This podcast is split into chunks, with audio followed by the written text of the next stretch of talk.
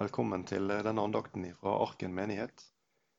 Vi skal be sammen før vi deler noen ord fra Bibelen. Kjære Jesus, takk fordi at du er midt iblant oss, Herre. Om vi ender samla på hver vår kant, Herre. Takk for at du vil eh, tale til oss gjennom ordet ditt.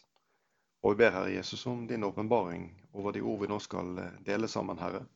At de må bli både til håp og trøst, Herre, for hjerter som trenger, Herre Jesus, en berøring av deg. I ditt navn. Amen. Tema for eh, denne andakten eh, har vært kalt for 'Hvor er Gud?' Og Det er et spørsmål som jeg tror veldig mange mennesker har stilt seg i ulike livssituasjoner. Hvor er Gud i alt dette som jeg opplever? Hvor er Gud i forhold til å komme med svar og løsninger på akkurat det som er vanskelig i mitt liv? Vi skal dele sammen en uh, fortelling fra Det gamle testamentet, fra første Samuels bok, og vi skal lese versene 1-18 i det første kapitlet. Dette er en fortelling som eh, vi kan ha som utgangspunkt for kanskje å være med og besvare noen av de spørsmålene som, som du måtte ha. Og vi leser i Jesu navn. Det var en mann fra Ramataim, Sofim, i Efraim-fjellene. Han het Elkana og var sønn av eh, Jeroham, sønn av Elihu, sønn av Tohu, sønn av Suf, en Efraim, Efrait. Elkana hadde to koner. Den ene heter Hanna, og den andre Peninna. Peninna hadde barn, men Hanna hadde ikke.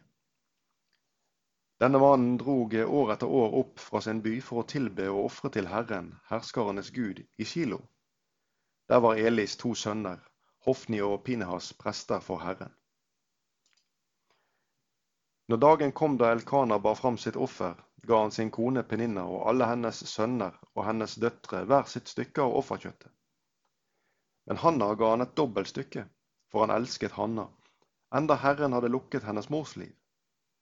Hennes eh, rivalinne krenket og plaget henne for å egge henne til vrede, fordi Herren hadde lukket hennes mors liv. Slik gjorde han år etter år, så ofte som eh, hun dro opp til eh, Herrens hus, og slik krenket Peninna henne og Hanna gråt og ville ikke spise. Da sa Elkana, hennes mann, til henne, Hanna, hvorfor gråter du, og hvorfor spiser du ikke? Hvorfor er du så sorgfull? Er ikke jeg mer for deg enn ti sønner? En gang hadde de spist og drukket i Kilo. Eli presten satt på stolen sin ved dørposten til Herrens tempel. Da sto Hanna opp, og i sin hjertesorg ba hun til Herren og gråt sårt. Hun gjorde et løfte og sa, Herre herskarenes Gud, dersom du vil se til din tjenestekvinne i hennes nød og komme meg i hu, og ikke glemme din tjenestekvinne, men la din tjenestekvinne få en sønn, så vil jeg gi ham til Herren for hele hans levetid, og det skal ikke komme rakekniv på hodet hans. Slik ba hun lenge for Herrens åsyn, og Eli la merke til munnen hennes.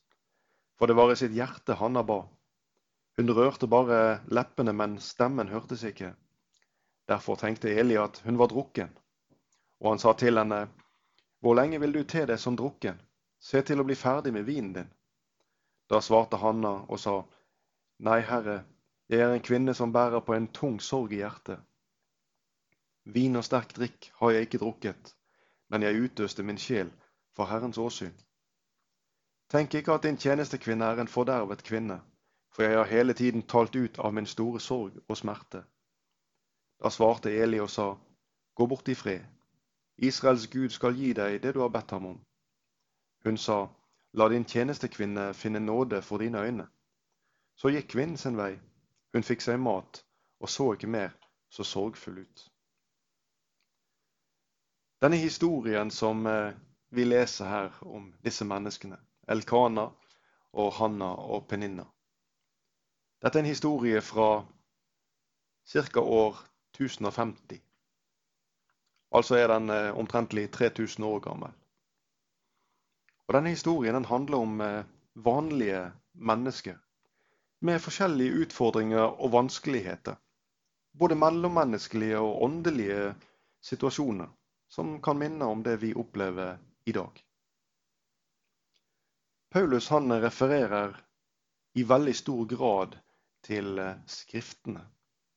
Og I Romerbrevet kapittel 15 vers 4 der skriver Paulus dette. Og alt som før er skrevet, det er skrevet til lærdom for oss, for at vi skal ha håp ved det tålmodet og den trøst som Skriftene gir.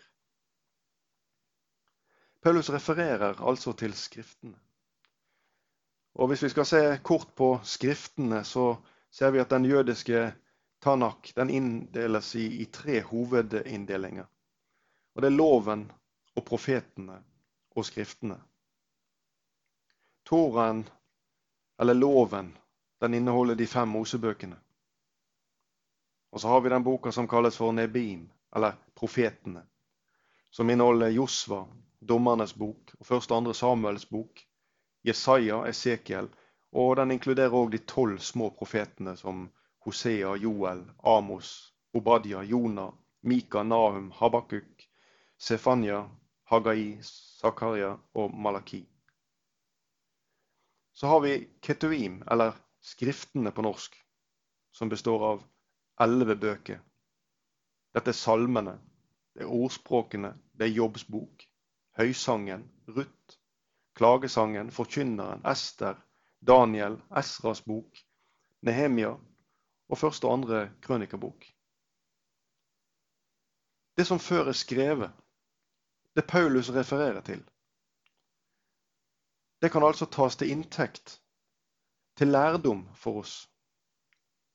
For at, som det står skrevet her, at vi skal ha håp ved det tålmod og den trøsten som Skriftene gir. Så denne ca. 3000 år gamle fortellingen den er altså relevant for lærdom, for tålmod, for håp og for trøst. Vi skal se litt på disse menneskene som er involvert i denne fortellingen vi har lest gjennom disse 18 versene. Elkana, som er mann til Hanna og Peninja, han er for så vidt ingen viktig person og når vi leser stedet som han kommer fra, så er det heller ikke noe viktig sted. Elkana han er nevnt imot slutten i en ganske lang ættetavle som gjelder Levis ett. Så han er levitt av avstamning. Dette er en ærbar ett, som eh, du som kjenner bibelhistorien vet fikk ansvaret for prestetjenesten i Israel. I denne lange ættetavla er det mange personer som er interessante, og som har relasjoner til viktige begivenheter i bibelhistorien. Men Elkana han er på en måte en slags ingen som helst. Ifra et sted som er ikke spesielt betydningsfullt. Han er altså en helt vanlig person midt i denne slekta som isolert sett er en betydningsfull slekt. Men Elkana han er altså på en måte bare ett navn som er nevnt i denne lange slekten. Og vi finner denne mannen fra et relativt ukjent sted, men likevel en mann med et forhold til Gud. Et forhold som gir seg uttrykk i at han år etter år drar opp for å være i kilo, for å ofre til Herren. Men gjennom Elkana så får Gud utrette ting som gjør at han blir en sentral skikkelse i bibelhistorien, likevel denne, som i utgangspunktet var verken kjent som person eller fra et sted som var spesielt kjent. Disse to hustruene som han har, Hanna og Peninna. Hanna hun er på en måte ja, Hun fremstår nærmest som Elkanas favorittkone. Og vi lærer om eh, hennes sorg og plage i dette ekteskapet i fellesskap med Peninna. Og vi får òg lære litt om hva Gud utretter i hans liv. Peninna det er jo Elkanas da andre kone, den som, den som, var den som fikk barn. Eller livsfrukt, som, som Bibelen taler det. Og som også er omtalt som velsignelse. Men Peninne er altså den som òg plager Hanna. Slekten til begge disse to kvinnene er de er ukjent for oss. Men navnenes betydning de er omtrent slik. Hanna det betyr tjeneste eller nåde. Og Peninna det betyr edelsten eller perle. Vi som har lest historien og som kjenner innholdet i denne, og vi skal komme litt tilbake igjen til en del av dette, vi kan kanskje relatere disse navnenes betydning til det som faktisk skjer. Hannas navn som betyr tjeneste eller nåde, det er på en måte slags immaterielle verdier, om vi skal bruke et fint ord på det. Det er ting og verdier som ikke vi kan ta og føle på, som, som ikke bare gjelder her og nå. Mens peninner betyr edelsten eller perle, som kanskje representerer mer den materielle verdi, selv om vi snakker om person her. Det man kan ta og føle på, det man kan betrakte med sine øyne. En, en verdi som er her og nå, som eksisterer, som ikke er abstrakt, slik som Hannas betydninger i i navnets betydning tjeneste eller nåde. Forfatteren av, eh, av, denne boka vi har lest, holder oss ikke lenge i selskapet til Peninna. Han eh, skynder seg nær sagt eh, forbi Peninna for å fortelle oss om Hanna. Og så er det dette temaet som vi ofte synes er vanskelig å, å snakke om, og som vi ofte skyndte oss forbi det passer dårlig inn i vår forståelse av, av, bibelske tekster. Er det alt som står i Bibelen vi kan ta til inntekt for hvordan vi skal leve våre liv i dag? Når vi leser Det gamle testamentet, er det alt som passer i Det gamle testamentet for oss i dag? Det er veldig viktig å, å forstå Bibelen ut fra den kontekst som ordet er skrevet i. Jeg har lyst til å si noen ord om polygami eh, før vi går videre i teksten vår. Eh, siden vi nå har lest om Elkana og Peninna og Hanna.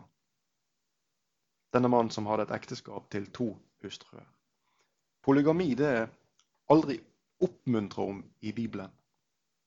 Og det er aldri anbefalt, det er bare tålt i Det gamle testamentet. Og når vi leser om polygami, så ser vi at det er alltid født ut ifra et slags kaos. Og det finnes smerte og problemer knyttet til dette. Og jeg vil nærmest si at dette er et slags mørkt bakteppe for det fullkomne, det som Gud hadde skapt, nemlig ekteskapet mellom to. Bakteppet for uh, denne utviklingen av polygami ja, det, er, det, går, det, er, en lang historie, og vi kan ikke gå dypt inn i den.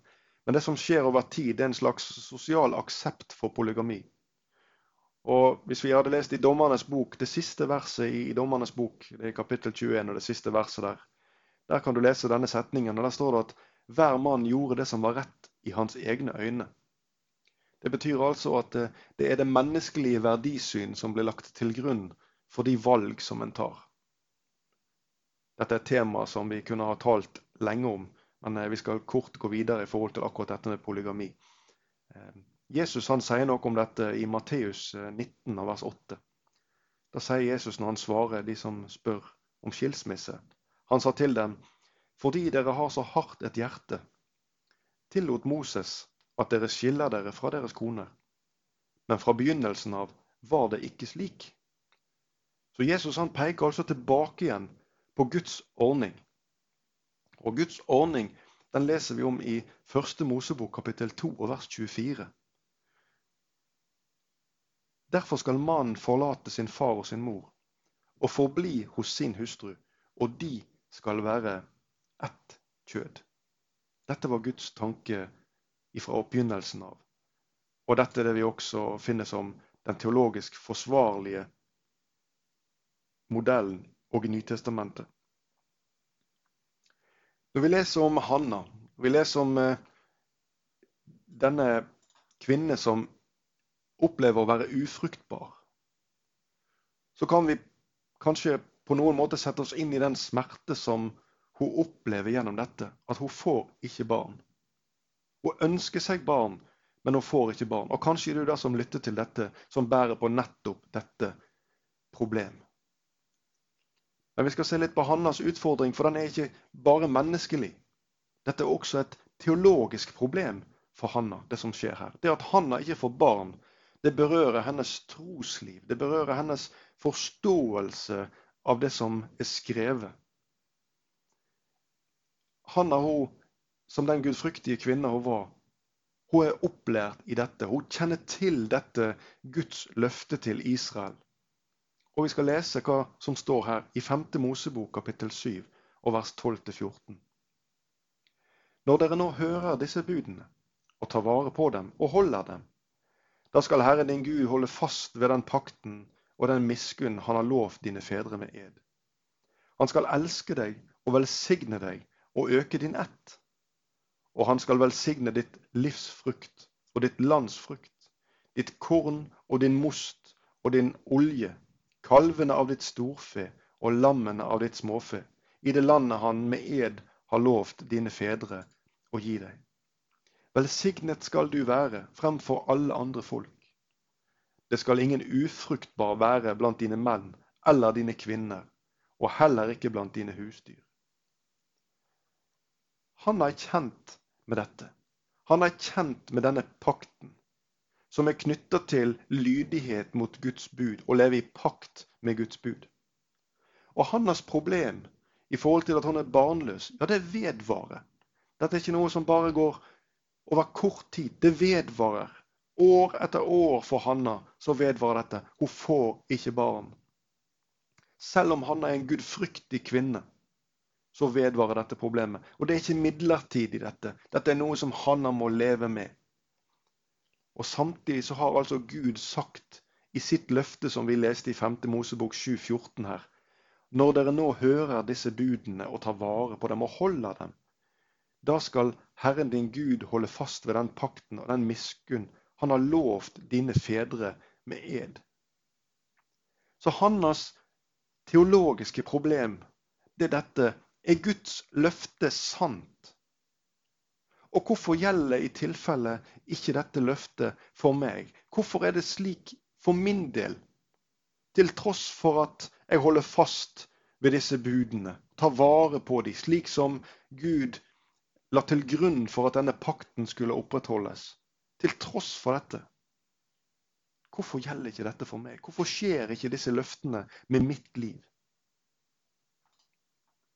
Hvorfor er det avstand mellom det opplevde løftet som Gud har gitt, når jeg leser i Skriften og ser at jeg opplever at Gud taler til meg gjennom disse ordene, og kanskje du har hatt det sånn, du har lest et sted i Bibelen og opplevd at Gud taler til deg i en spesiell situasjon, og bibelordet blir anvendt til trosoppbyggelse i ditt hjerte, og du opplever et løfte, men realiseringen av selve løftet, det synes å utebli.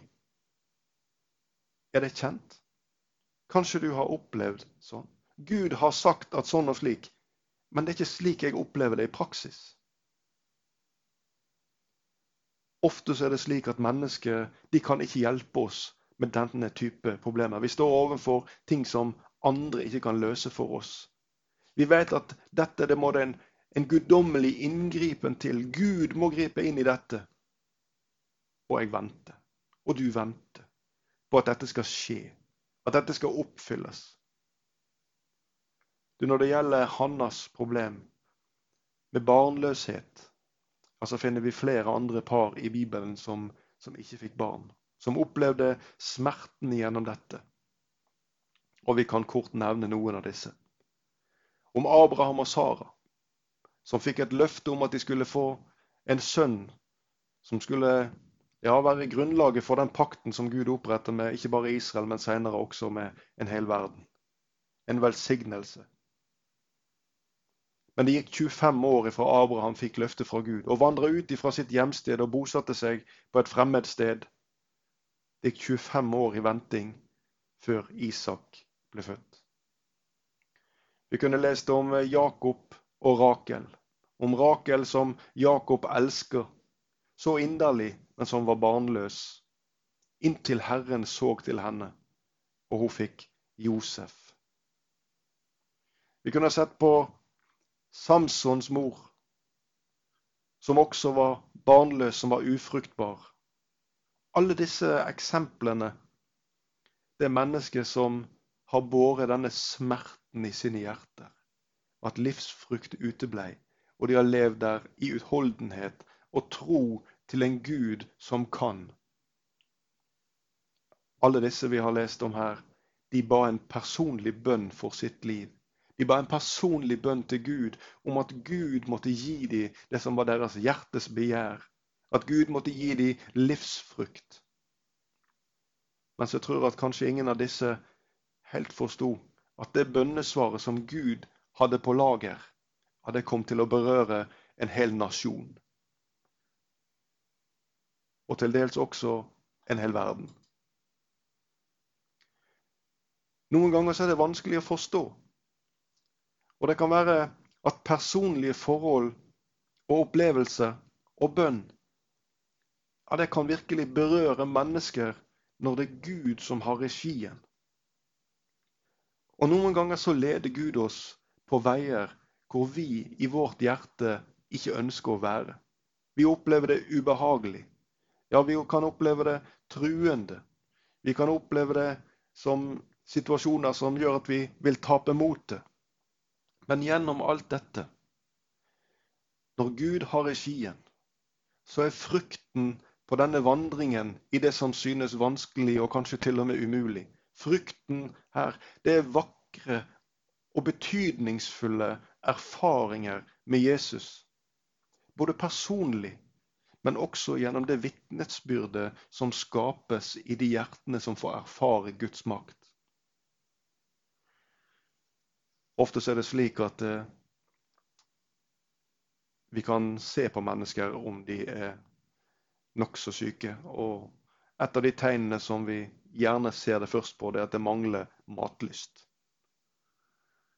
Du har kanskje vært til legen noen gang. Jeg har vært til legen og, og har fått dette spørsmålet. Hvordan er det med matlysten? For nettopp matlysten den forteller noe om hvordan vi har det. Og Slik er det også med Hanna.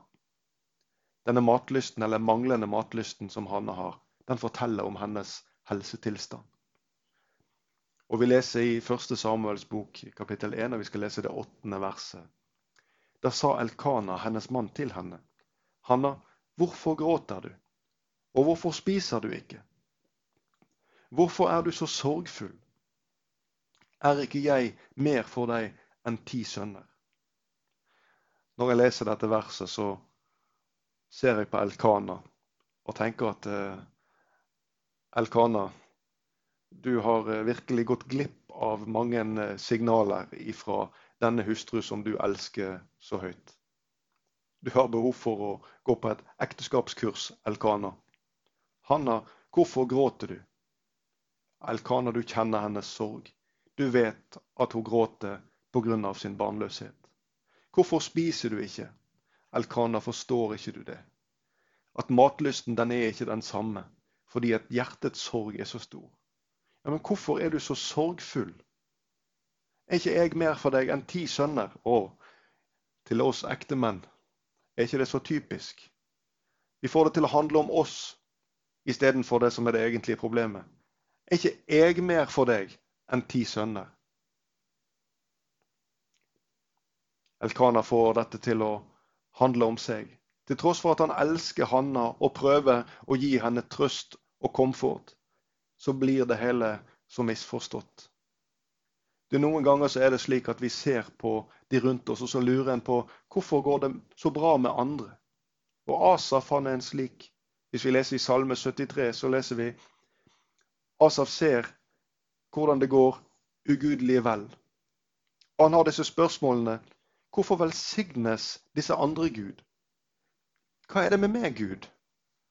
Hvorfor er det sånn, Gud, dette kan du lese du, hvis du leser Salme 73. Men når du kommer frem til versene 16 og 17 i Salme 73, så sier Asaf dette at jeg tenkte etter for å forstå dette. Det var en plage i mine øyne inntil jeg gikk inn i Guds helligdommer. Her skjer forandringen i Asaf sitt liv ifra å betrakte det som ser ut til å være velsignelse over alle andre, det som ser ut til å være at det går så bra for alle andre, og som han ønsker å forstå, som var en plage i hans øyne. Men så går Asaf inn i Guds helligdommer. Du, Salmisten han går ifra spørsmålene og til det stedet hvor svarene er. Noen ganger i livene våre så tar spørsmålene overhånd, og vi glemmer helt hvor vi skal gå for å finne svarene. Og Dette ser vi også litt i fortellingen vi har lest. Og Hanna hun gjør nettopp dette. Det samme som Asaf, som gikk inn i Guds helligdom. For hans problem det når et klimaks. Vi kan lese om det i, i versene 9-10. Når hun reiser seg og går til Herrens hus, og der utøser sitt hus, sitt hjerte for Herren.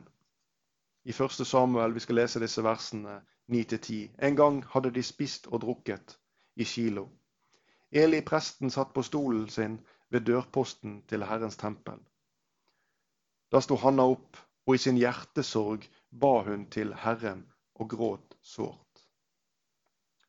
Du, Hannas bønn, det er ikke anklager til Gud. Gud, hvorfor narrer du meg? Gud, hvorfor holder ikke du ditt løfte? Det er heller ikke hevntanker over Peninna.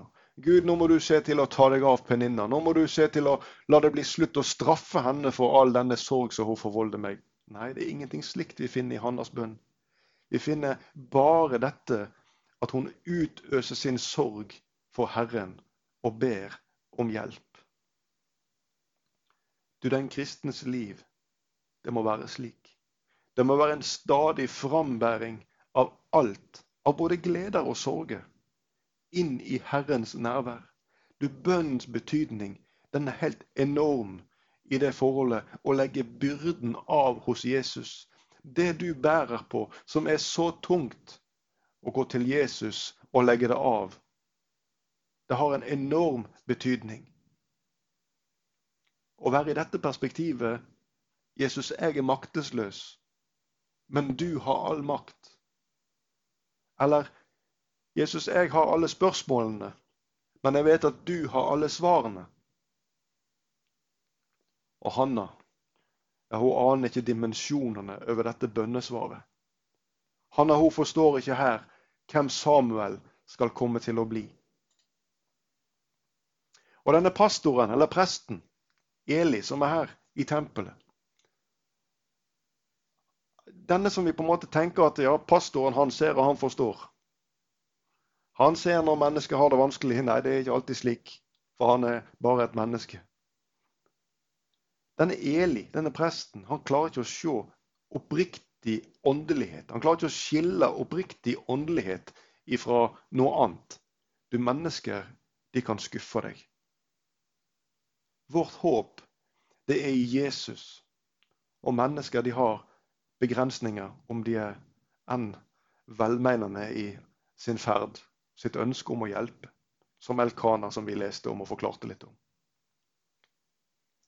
I 1. Peters brev, kapittel 5 og vers 6-7, der leser vi Ydmyk dere derfor under Guds veldige hånd, for at Han kan opphøye dere i sin tid. Og kast all deres bekymring på Han, for Han har omsorg for dere. Du, endringen hos Hanna ifra før hun kom og gikk inn i Herrens helligdom, slik vi også leste om Asaf, til etter. Det leser vi. Vi leser så gikk kvinnen sin vei. Hun fikk seg mat og så ikke mer så sorgfull ut. Du, det finnes sann trøst og hjelp ved å kaste all bekymring på Jesus. Og det er ingenting som kan erstatte nettopp dette. For dette det har en forvandlende kraft som starter på innsida, og som etter hvert viser på utsida. Det er noe av dette salmisten sier når han snakker om at du la i min munn en ny sang, en lovsang for vår Gud. Lovsangen starter i hjertet. Gud griper inn. Gud gjør forandringen. Gud skaper nytt håp. Gud gir trøst. Det gir seg utslag i glede, og vi ser Hannas forvandling. Hun fikk seg mat og så ikke mer så sorgfull ut. Så kjenner du fortellingen kanskje videre om Hanna som fødte Samuel, som ble en veldig skikkelse, denne Guds mann som fikk fungere i, i Israel.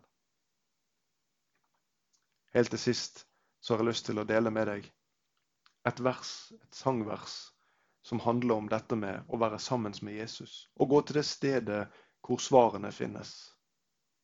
Inn i Hans helligdom. Og vi leser dette sangverset til slutt. en liten stund med Jesus, og hvordan jevner alt. Så lyst og lett blir livet som før var mørkt og kaldt. Når jeg blir trett på veien av alt som møter meg, en liten stund med Jesus, og alt forandrer seg. Kjære deg som har lytta til denne teksten i dag. Som har lytta til denne tilsynelatende umulige situasjonen. Som har hørt om Hanna. Som har hørt om eh, Abraham og Sara. Som har hørt om Rakels barnløshet. Om Samsons mor. Som kanskje bærer på en stor sorg i ditt eget hjerte, enten det gjelder barnløshet eller, aldri, eller andre ting. Hør dette sangverset. En liten stund med Jesus, og alt forandrer seg. Trykk det til ditt hjerte, min venn, og finn trøst og håp i de ordene som vi har lest, som Paulus sa, den, det trøst og håp som Skriftene gir. Herre Jesus, velsigne disse ordene, og la de få bli til nettopp dette, Herre. Til nytt håp og til trøst på vandringen videre, i tillit til at du har makt over alle ting. I Jesu velsignede navn. Amen.